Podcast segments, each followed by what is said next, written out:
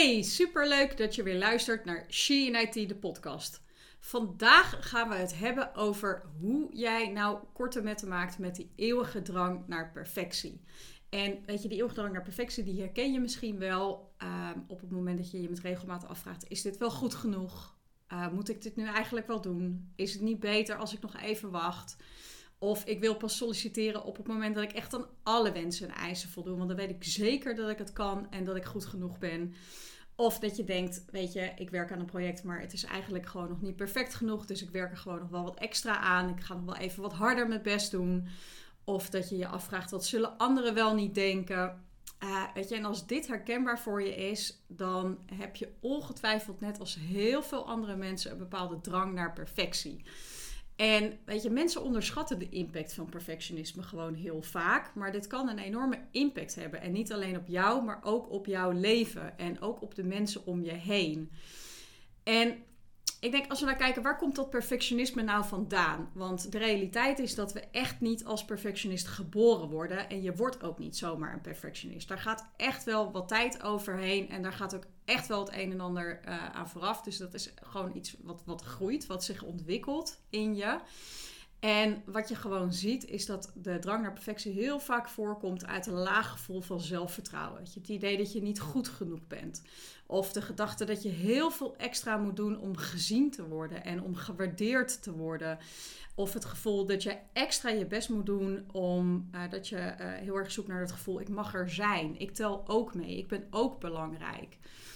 Uh, maar wat ik ook zie is dat het gevoel van perfectionisme voorkomt uit uh, de drang dat je alles onder controle wilt hebben. En dat je de overtuiging hebt dat het gewoon beter gebeurt als jij het zelf doet.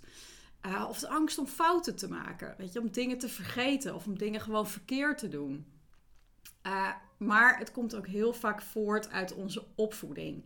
En daar heb ik het al eens eerder over gehad. Maar wat je gewoon ziet is dat een heel groot deel van ons gedrag, van onze gedachten, van onze vooroordelen, van onze overtuigingen, worden eigenlijk gevormd ten tijde van onze opvoeding en in onze jeugd. En uh, de mensen die het dichtste bij ons staan, die hebben daar de grootste invloed op. Je ziet gewoon dat we uiteindelijk het resultaat worden van de, de vijf mensen die het dichtste om ons heen staan. Want dat zijn ook de mensen met wie we gewoon de meeste tijd doorbrengen. En een hoop van dat proces gaat gewoon onbewust. Dus denk nou niet dat dat een bewust proces is en dat je bewust op een gegeven moment denkt: ik ga iemand anders nadoen. Uh, zo werkt dat absoluut niet.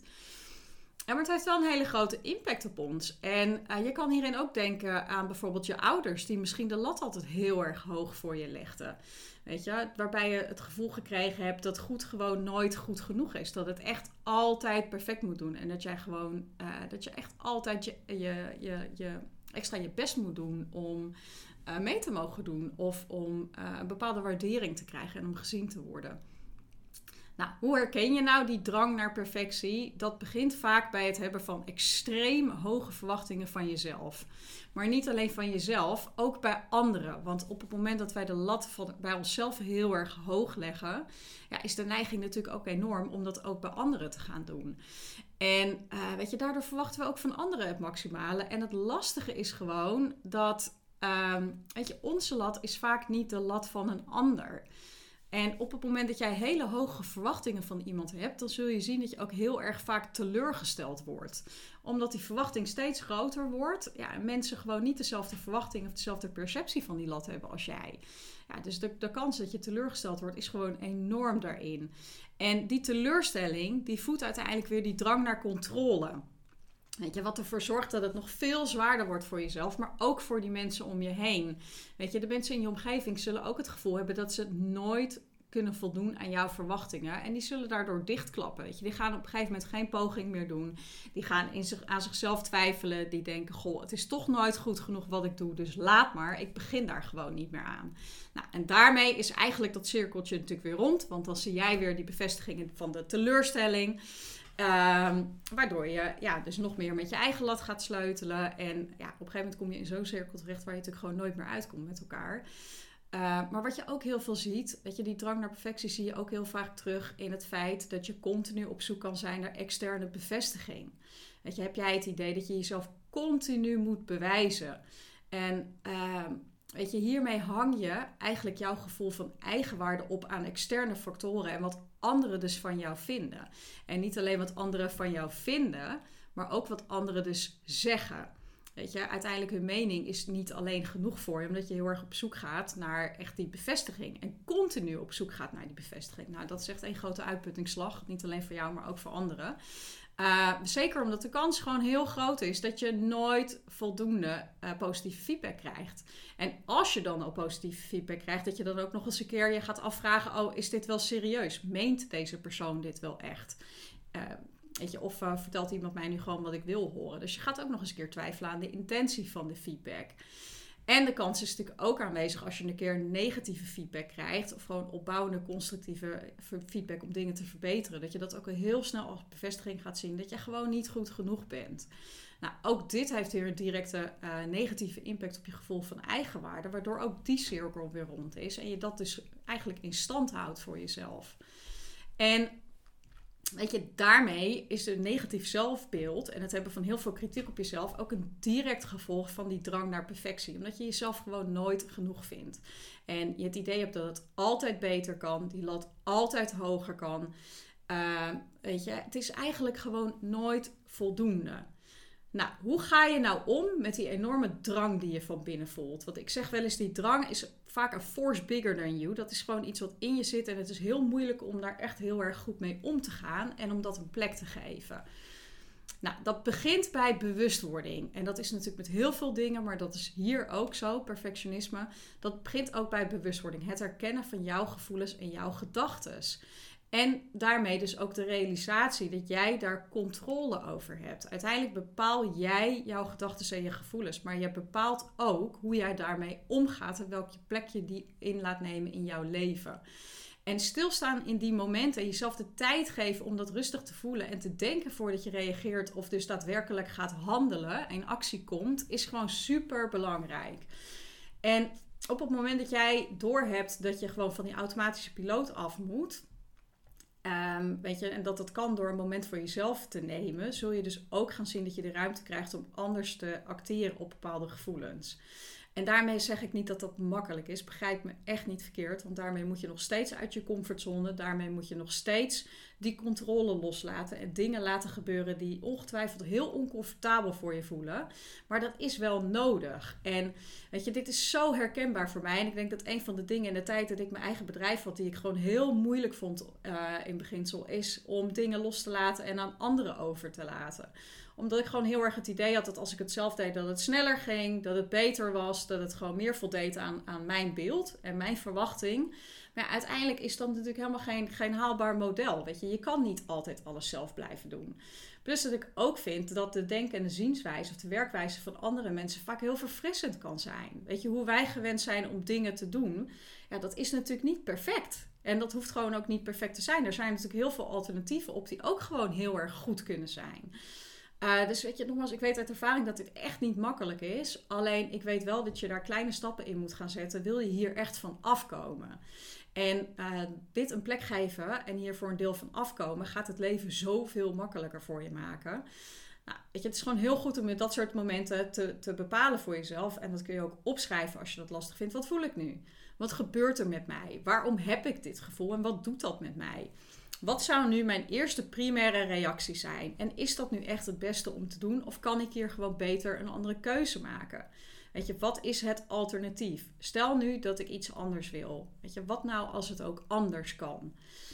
En uh, weet je, nogmaals, schrijf dat anders op voor jezelf als je dat gewoon prettiger vindt. Uh, en neem gewoon een klein beetje afstand. Probeer jezelf aan te leren om niet direct een bepaalde reactie te geven of direct in de actie te schieten, maar om gewoon heel even dat moment voor jezelf te nemen. Vind je dat moeilijk? Hey, ga rustig even buiten een rondje lopen. Of als je in een vergadering zit, ga heel even naar het toilet en pak daar even een moment voor jezelf.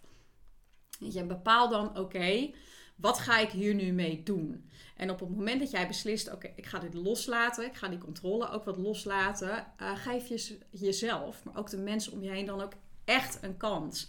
Ga dan niet daar mega controlerend op, op zitten of naar kijken, want dat benauwt mensen natuurlijk nog steeds. En daarmee geef je nog steeds dat gevoel dat die lat heel erg hoog ligt.